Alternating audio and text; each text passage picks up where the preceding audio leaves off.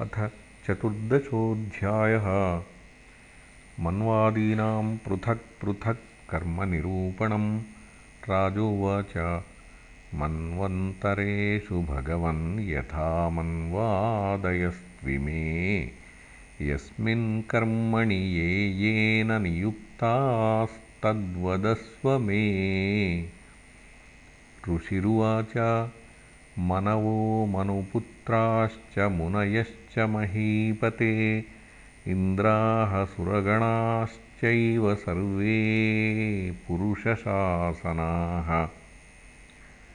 यज्ञादयो याः कथिताः पौरुष्यस्तनवो नृप मन्वादयो जगद्यात्रां नयन्त्याभिः प्रचोदिताः चतुर्युगान्ते कालेन ग्रस्तान् श्रुतिगणान् यथा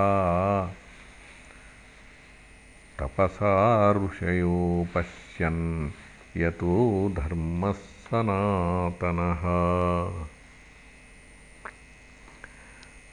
ततो धर्मं चतुष्पादं मनवो हरिणोदिताः युक्ताः सञ्चारयन्त्यद्धा।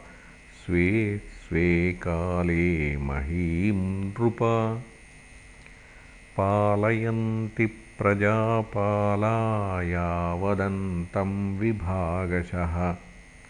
यज्ञभागभुजो देवा ये च तत्रान्विताश्च तैः।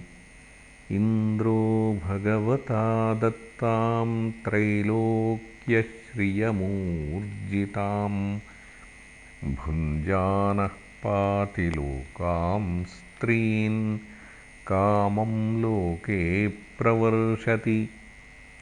ज्ञानञ्चानुयुगं ब्रूते हरिः सिद्धस्वरूपधृक् ऋषिरूपधरः कर्मयोगं योगेशरूपधृत्।